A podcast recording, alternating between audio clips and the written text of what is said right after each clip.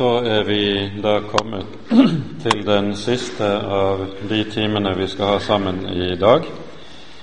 Og vi skal Vi skal stanse opp for det fjerde kapittelet i Første Mosebok.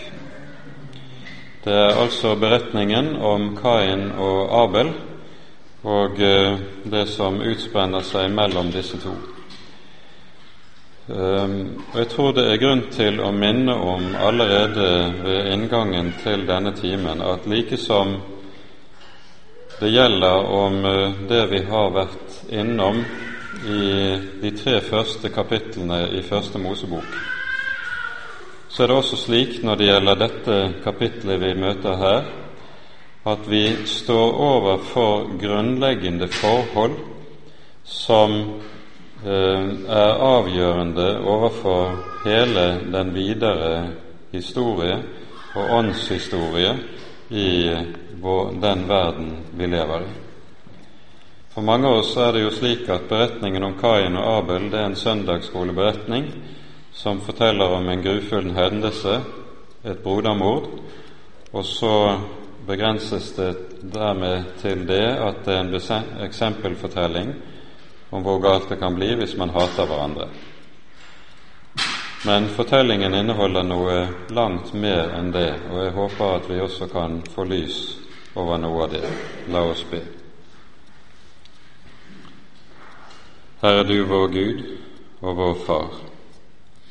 Nå ber vi at du vil sende din Hellige Ånd, og la oss få eie lys i dine ord, se lys i ditt lys at vi også må ha lys inn i våre liv. Amen.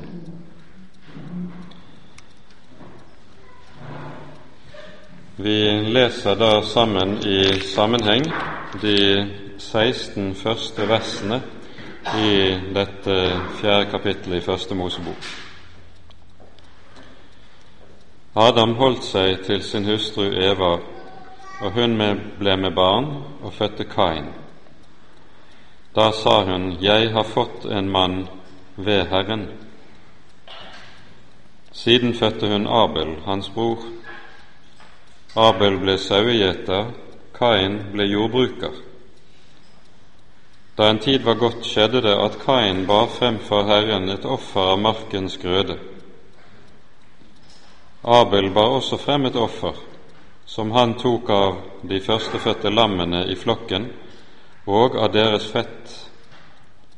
Og Herren så til Abel og hans offer, men til Kain og hans offer så han ikke. Da ble Kain forbitret og stirret ned for seg. Og Herren sa til Kain, Hvorfor er du så forbitret, og hvorfor stirrer du ned for deg? Er det ikke så at dersom du har gått i sinne, da kan du løfte ansiktet, men har du ikke gått i sinne, da ligger synden på lur ved døren. Den har lyst på deg, men du skal herske over den.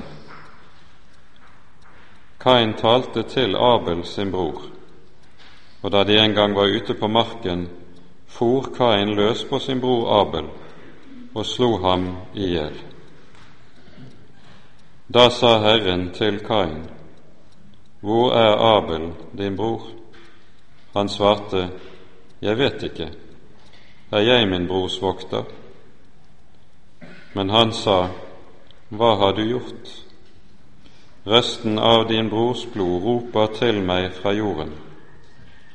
Nå skal du være bannlyst fra den jord som åpnet sin munn og tok imot din brors blod fra din hånd. Når du dyrker jorden, skal den ikke mer gi deg sin grøde. En flyktning og en vandrer skal du være på jorden. Da sa Kain til Herren, Min skyld er større enn at jeg kan bære den. Se, du har i dag drevet meg ut av landet, og jeg må skjule meg for ditt åsyn. Jeg er blitt en flyktning og en vandrer på jorden, og det vil gå slik at hver den som helst, at hvem som helst som finner meg, kommer til å slå meg i hjel. Men Herren sa til ham, Dersom noen slår Kain i hjel, skal det hevnes sjufold. Og Herren satte et merke på Kain for at ingen som møtte ham, skulle slå ham i hjel. Så dro Kain bort fra Herrens åsyn og bosatte seg i landet Nodd, øst for Eden.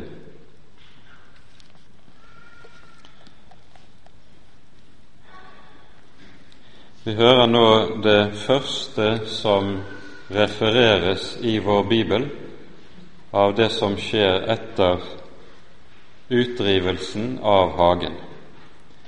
Det er helt sikkert mye annet som både har skjedd og kanskje kunne vært fortalt, men det er kjennetegnene for Bibelen at den begrenser seg til å fortelle det som har, har betydning for åpenbaringshistorien. Den beretter ikke sånn som vi ellers ut fra vår nysgjerrighet synes hadde vært veldig interessant å få rede på. Den slags lar Skriften ganske enkelt ligge. I stedet er det kjennemerkende for vår bibel. Den peker på og omtaler det som har betydning for åpenbaringshistorien. Og det er nettopp det som gjelder denne fortellingen vi har for oss her også. Vi hører om Adams og Evas to sønner. Adam og Eva får først én sønn og gir ham navnet Kain. Det er et ordspill i dette. Å få ordet som anvendes for å få en sønn i denne sammenheng, det er et verb som heter kanitti, og som altså er stammen i navnet Kain. Og I grunnteksten så er dette formulert noe annerledes enn det vi hører i vers 1. Bokstavelig utbryter Eva når Kain fødes. Jeg har fått en mann, nemlig Herren. Luther bemerker i sin utlegging av Første Mosebok til dette at det kan se ut som at Eva forventer at Herren allerede nå kommer for å oppfylle løftet om Han som skal knuse slangens hode, og at den forventning hun slik gir uttrykk for, det røper også at hun forsto så meget av Herrens løfte at hun forstår at det også vil innebære at Gud kommer i menneskers skikkelse. Og så bryter hun altså ut Jeg har fått en mann, nemlig Herren. Hvordan dette nå enn er, det vet vi ikke endelig svar på. Men det går en tid, og så fødes sønn nummer to. Og han gis navnet Abel, som kommer av et hebraisk verb som betyr tomhet, bare et pust, eh, og som betegner Eh, så å si betegnende for det livet som Adam og Eva nå erfarer de må leve på jorden under forbannelsen utenfor hagen. Dette er et liv som er Abel. Det er tomhet, det er som et pust. Og så er det vi etter hvert da hører om disse to sønners Guds dyrkelse. Begge to ofra til Herren av frukten av sine henders arbeid. Kain dyrker jorden og bærer frem av markens grøde, Abel av får av flokken som han gjeter. Og så bryter fiendskapet ut. For det er tydelig hvorledes det blir tydelig, det vet vi ikke, men det er altså meget klart for begge brødrene at Herren tar imot Abels offer, men forkaster Kains. Så må vi spørre hvorfor er det slik? I Hebrevets ellevte kapittel sies det jo om Abel i tro bar Abel frem et offer bedre enn Kains. Og Dette er nok meget treffende for hva som er tilfellet, for Herren tar imot det offer som bæres frem i tro. Årsaken til at Gud avviser Kains offer, det er ikke at Kain eksempelvis ikke ofrer lam, sånn som Abel gjorde. Det er noen som har prøvd å finne den typen forklaringer til hvorfor Kains offer avvises. Men her er Bibelen ganske klar om vi leser vår bibel i sammenheng. Det Herren alltid ser til når det gjelder menneskets gudsdyrkelse, offer og bønn, det er menneskets hjerte. Og hva som bor i Kains hjerte, det ser vi meget tydelig av det som utspenner seg i, utspinner seg i dette kapittelet.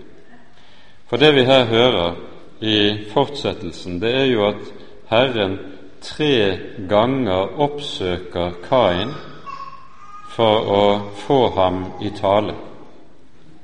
Og det Kain gjør hver gang, det er at han vender det døve øret til han hører ikke på Herrens tiltale.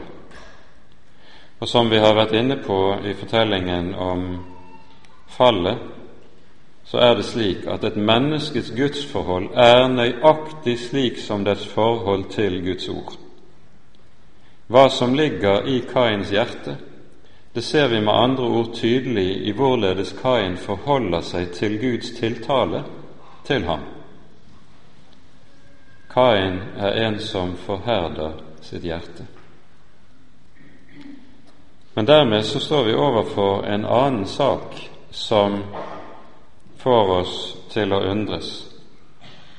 Her står vi overfor en mann, Kain, med et ugudelig hjerte. En mann som avviser Guds tiltale, ikke ønsker å høre Guds ord, men som likevel dyrker Gud, som likevel bærer frem offer. Hvordan kan det henge sammen? Saken er jo at i dette så ser vi urbildet på noe som senere blir et hovedtrekk gjennom hele religionshistorien. Urbildet på det man kan kalle den falske gudstyrkelse, den falske Guds tjeneste. Og hva er det som kjennetegner denne? Det er nettopp at det falne mennesket er religiøst, ja, det er meget religiøst. Og Derfor vil det falne mennesket også gjerne ha en eller annen form for gudsdyrkelse og Guds tjeneste. Og denne gudsdyrkelse er forenet med, den er paret med at en ikke vil vende om. Det er Kain i et nøtteskall. Det er gudstjeneste uten omvendelse. Og Ser vi på vår bibel og leser den i sammenheng, så vil vi se at nettopp dette er noe som dukker opp om igjen og om igjen, og som er en stadig fare for Israels folk og som er noe av en hovedsak i profetenes budskap når de nettopp bekjemper den falske gudstjeneste og Guds dyrkelse. Vi skal ta frem et par eksempler på dette. Vi går først til Jesaja-bokens første kapittel, der vi hører følgende sies.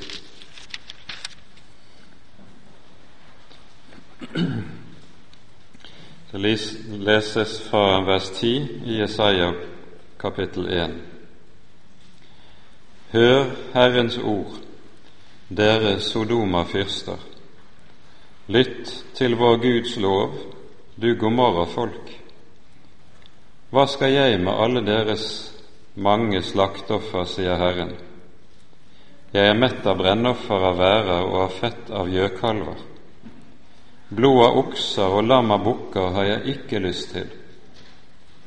Når dere kommer for å vise dere for mitt åsyn, hvem har da krevd at dere skal tråkke ned mine tempelgårder? Kom ikke mer frem med unyttig matoffer. Det er en motbydelig røkelse for meg nymåne og sabbat, festforsamling, jeg tåler ikke høytid og urett sammen. Og når dere ber, når dere brer ut hendene, skjuler jeg mine øyne for dere. Hvor mye dere enn ber, hører jeg ikke. Deres hender er fulle av blod. Det vi her hører omtalt, det er altså at Israels folk sannelig gjester Herrens hus. Sannelig ofrer, og det er ikke mangel på Guds dyrkelse imellom dem. Og Herren svarer, 'Jeg vil ikke høre, jeg bryr meg ikke om det', for nettopp denne gudsdyrkelse er forenet med at de lever etter eget hode, de lever i synd. Deres hender er fulle av blod.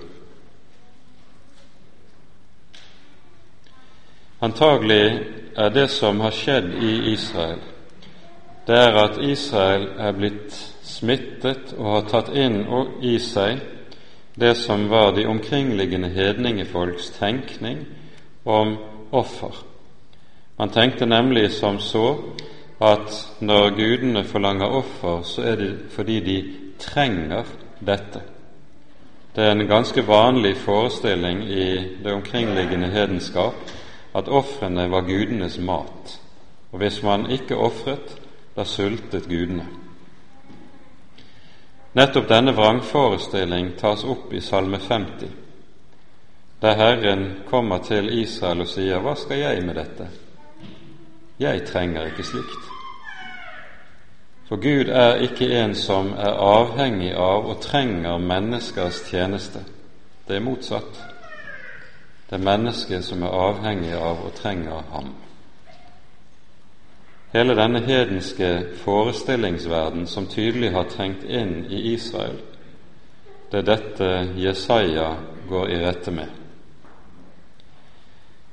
Vi møter samme sak enda skarpere uttalt i Jeremia-bokens syvende kapittel. Her sies det følgende fra vers åtte. Se, dere setter deres lit til løgnaktige ord, til ingen nytte. Hva så? Dere stjeler, slår i hjel, bryter ekteskap, sverger falskt og brenner røkelse for Baal og følger andre guder som dere ikke kjenner. Og så kommer dere og står frem for mitt åsyn i dette hus som er kalt med mitt navn, og sier:" Vi er frelst. Og så vil dere fremdeles gjøre alle disse motbydelige ting. Er da dette hus, som er kalt med mitt navn, blitt en røverhule? Også hos Jeremia ser vi nøyaktig samme sak, hvorledes Herren går på det aller skarpeste i rette med den falske gudsdyrkelse. Og Her sies det så tydelig som det overhodet kan. Det prekes på hvorledes folket synder mot det ene etter det annet av de ti bud. Så trer de inn i Herrens hus og sier vi er frelst. Ja, Gud er nådig, Gud er god, og selvfølgelig er vi Guds folk, som Han vil ta seg av. Nei, sier Herren. Høytid og urett går ikke sammen. Men det er nettopp det den falske gudsdyrkelse er kjennetegnet av. Og Derfor er det at det lyder i Ordspråksboken kapittel 27 om noen vender sitt øre bort og ikke vil høre loven, da er endog hans offer en vederstyggelighet. Ja, det er klar tale, og det er Kain i et nøtteskall. Han ofrer til Herren samtidig som han ikke vil vende om.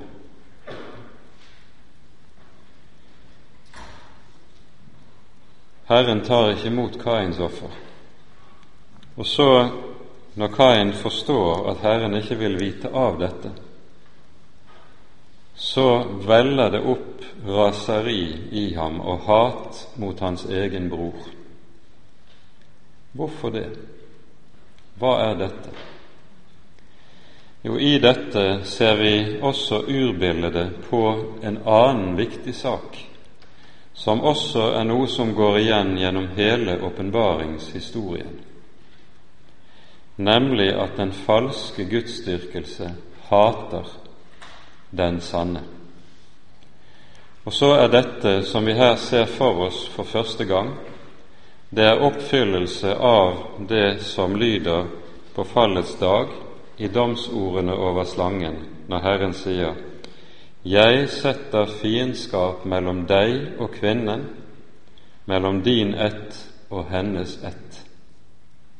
I Kain og Abel ser vi urbildet på slangens ett og kvinnens ett. Den slekt der gudsfrykten nedarves hos Abel, og den slekt som kalles slangens ett i Kain.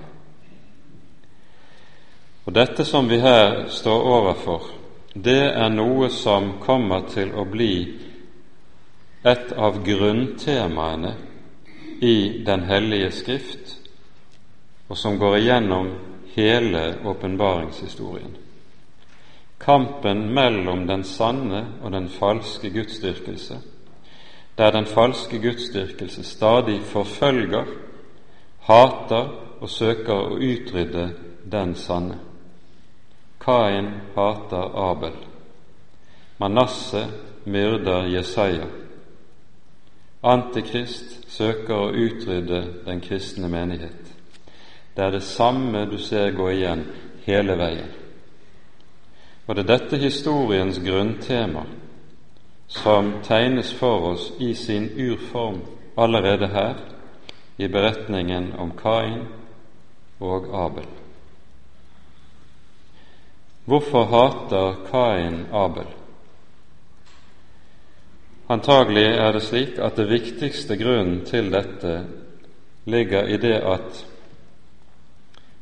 Abels offer avslører hva som ligger i Kains offer. Abels offer avslører sannheten om Kain. Og er det noe det falne mennesket hater, så er det nettopp å settes ansikt til ansikt med den sannhet, sannheten om seg selv. Og så legger Kain Abel for hat. Og Dette er altså noe du møter igjen gjennom hele den øvrige frelses historie. Derfor er det de falske profeter forfølger en Jeremia. Derfor er det fariseerne forfølger den Herre Jesus, osv. Det er det samme hele veien. Men Herren har hjertet også for en som Kain. Og for annen gang er det vi nå møter Herren som den som oppsøker en synder. Første gang skjer det på fallets dag med Adam og Eva. Nå er det på ny slik at Herren søker en som dypest sett søker å unngå ham. Og Herren oppsøker nå Kain forut for brodermordet og sier følgende til han Hvorfor er du så forbitret? Hvorfor stirrer du ned for deg? Er det ikke slik at dersom du har gått i sinne, da kan du løfte ansiktet, men har du ikke gått i sinne, da ligger synden på lur ved døren. Den har lyst på deg, men du skal herske over den. Når Herren nå første gang taler til Kain, kaller på Kain, så er det med et advarsel, en advarsel som er forbundet med et løfte. Han advarer Kain mot synden og den makt som nå truer å ta overherredømme over ham. Han advarer ham mot hva han står i fare for å gå inn i. Og så knytter han et løfte til denne advarselen, et løfte om at dersom han vil høre på Herrens røst, da skal synden ikke få makt. For formuleringen vi her møter i grunnteksten, når det sies 'synden har lyst på deg, men du skal herske over den', det er ikke formulert som en imperativ, som en befaling, men er nettopp formulert som et løfte. Dersom du bare vil lytte til Herren din Guds røst, da skal denne makt ikke komme til å råde over deg. Men vi hører hvordan det går. Kain vender det døve øret til. Og da de en gang var ute på marken, for Kain løs på Abel sin bror og slo ham i hjel. Da sa Herren til Kain. Nå søker Herren Kain opp for annen gang, etter fallet, etter brodermordet. Og nå er det slik at Herren kommer til Kain og kunngjør sin hellige lov som et ord i form av et spørsmål som ransaker ham. Og Det vi da skal legge merke til, er at lovens forkynnelse, slik vi finner den i Den hellige Skrift, den kan komme på ulike måter. Den kan komme på en mild måte, og da kommer den i form av det spørsmål som vi hører f.eks. Herren retter til Adam og til Eva i hagen. Hvor er du? Hva har du gjort? Spørsmål som stilles med tanke på å vekke selverkjennelse. Men loven kan også forkynnes på den harde måte, den skarpe måte, der loven blir som en ild og som en hammer som knuser berg, slik vi hører Jeremias uttrykker det. Sånn kan loven også lyde etter Guds ord. Men når Herren første gang kommer til Kain, er det på denne stille måte. Og vi forstår Herren søker å få ham i tale. Det er også slik i Skriften at når Herren på denne måten oppsøker en synder, så er det Guds hjertelag, som vi hører det hos profeten Esekiel, som ligger bak, der Herren sier følgende:" Skulle jeg ha behag i den ugudeliges død? Nei, men heller i at han vender om, så han får leve. Og det er dette Herren søker hos Kain. Trass i alvoret i det Kain har gjort, brodermordet, så søker Herren også her å vinne en som har falt, og falt dypt.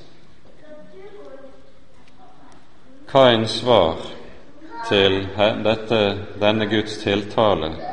Det er meget avslørende.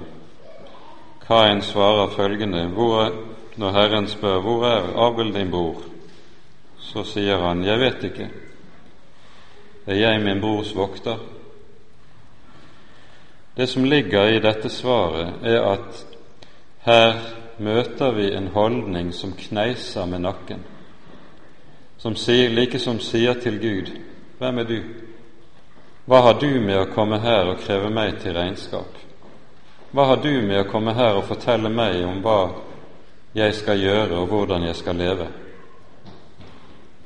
I dette svaret fra Kain ligger det en nesevishet overfor den hellige, en frekkhet overfor den allmektige, som sier mer enn mange ord om hva som ligger i hans hjerte.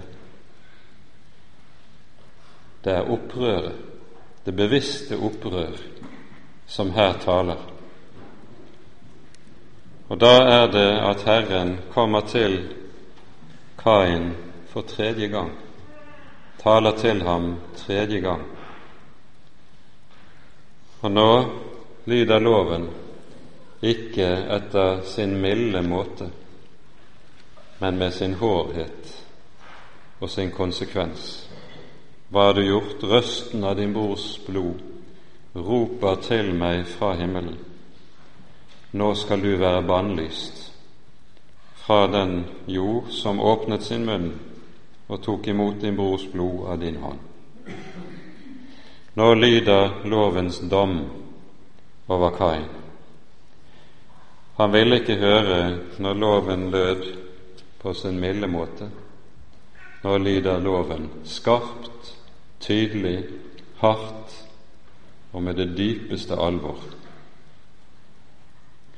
Men vi skal vite og være oppmerksom på at også når Herren taler hårdt og skarpt, så er det fortsatt det samme hjertelag som ligger hos Herren, som søker Kains omvendelse, søker Kains frelse. Et par ganger møter vi en bestemt formulering i vår bibel når det sies slik En gang har Gud talt, ja, to ganger har jeg hørt det. Det er en hebraisk måte å peke på hvorledes Gud ikke nøyer seg med å søke et menneske bare én gang, for så å gi det opp dersom det ikke hører men det at Herren kan søke mennesker om igjen og om igjen, og så å si ikke gir seg med første forsøk. Det er på alvor han søker menneskets frelse. Det er på alvor han søker å redde en synder fra fortapelse. Og Derfor gir han seg ikke med første håndslag. Også når Gud taler skarpt, hardt og tydelig med lovens dom, så er det den samme frelsende hensikt som ligger bak. Og Så kan det se ut i våre bibeloversettelser som om Kain kanskje nå har blitt vekket til besinnelse, for han bryter nå ut han sier til Herren, min skyld er større enn at jeg kan bære den. Formuleringen som vi her finner, er, skal vi være klar over, ikke uttrykk for anger. Overhodet ikke. Det Kain her gir uttrykk for, det er at han beklager at det han har gjort, har fått slike konsekvenser for ham selv. Det han har gjort, slår tilbake på ham, slik at han selv må lide som frukt av sine handlinger. Det er altså ikke anger over det onde, men beklagelse over at han selv ikke har hatt fordel av det han har gjort. I dette ligger det som man av og til kaller for krokodilletårer. Det er den typen beklagelse som du av og til kan høre i det offentlige rom, hvor en beklager ikke hva en har gjort, men beklager at noen føler at jeg er opp, og føler på en slik måte at det har blitt oppfattet negativt. Det er ikke en reell beklagelse og anger som ligger bak. Det å angre sin synd, det å bekjenne sin synd, slik som Bibelen taler om det, det er og innebærer å få en lukket munn,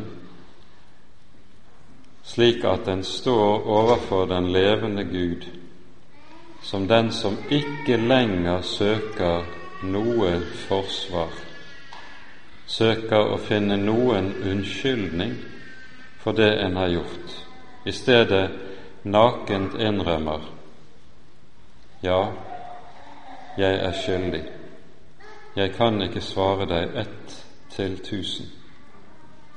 Det gjør Kain ikke.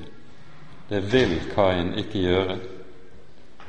Dette tap av ansikt, det vil han ikke inn i.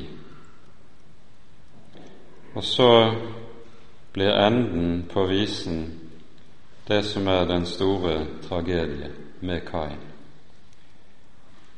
Herren lover å spare hans liv. Og så står det som avslutning på denne fortellingen Da dro Kain bort fra Herrens åsyn og bosatte seg i landet Nådd øst for Eden. Ordet nådd betyr landflyktighet. Og Det som her sies, det er at Kain i ordets mest bokstavelige forstand flytter bort fra Gud og etablerer seg i en verden uten Gud. Og så bygger han den første kultur i historien som er en gudløs kultur. Han bor bokstavelig i landet nådd.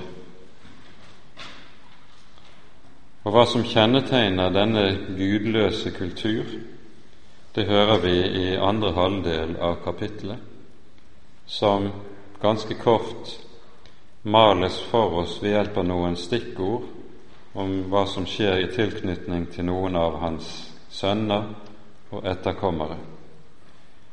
Alt sammen kan samles i det enkle ordet verdslighet.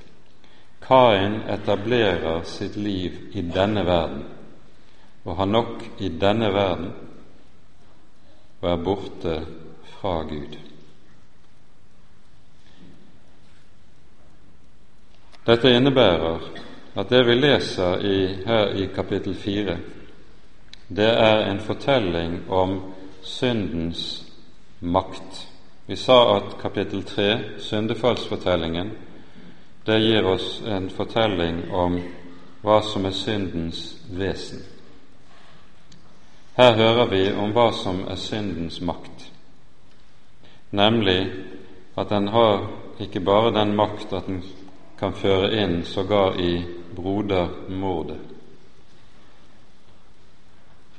Men den kan også føre mennesket endelig bort fra Gud. Og det er det dype alvoret i det som denne fortellingen har å bære frem for oss. Kain er det første mennesket som etablerer seg uten Gud, borte fra Gud, og heller ikke vender om. Og slik ser vi tegnet for oss allerede i Bibelens begynnelse hvorledes dette som Gud talte om på fallets dag, virkeliggjøres meget tidlig etter syndefallet. Jeg vil sette fiendskap mellom din ett og kvinnens ett, sies det til slangen. Og det er det som kommer opp i dagen i denne fortellingen, med alt hva dette innebærer i åpenbaringshistorien i fortsettelsen. Dette kapitlet som vi her har vært inne i, det møter vi så å si igjen i Johannes' åpenbaring i det tolvte kapittelet. Der hører vi om kvinnen som føder barnet, barnet som forfølges av slangen, av dragen, barnet som overvinner dragen og knuser hans hode. Om det Guds folk som er barnets etterkommere, sies det når dragen er kastet ned, så sies det dette Guds folk, de har seiret over ham, dragen, i kraft av lammets blod og det ord de vitnet. Der tror jeg vi setter punktum for denne timen. Ære være Faderen og Sønnen og Den hellige ånd, som var og er og være skal en sann Gud, høylovet i evighet. Amen.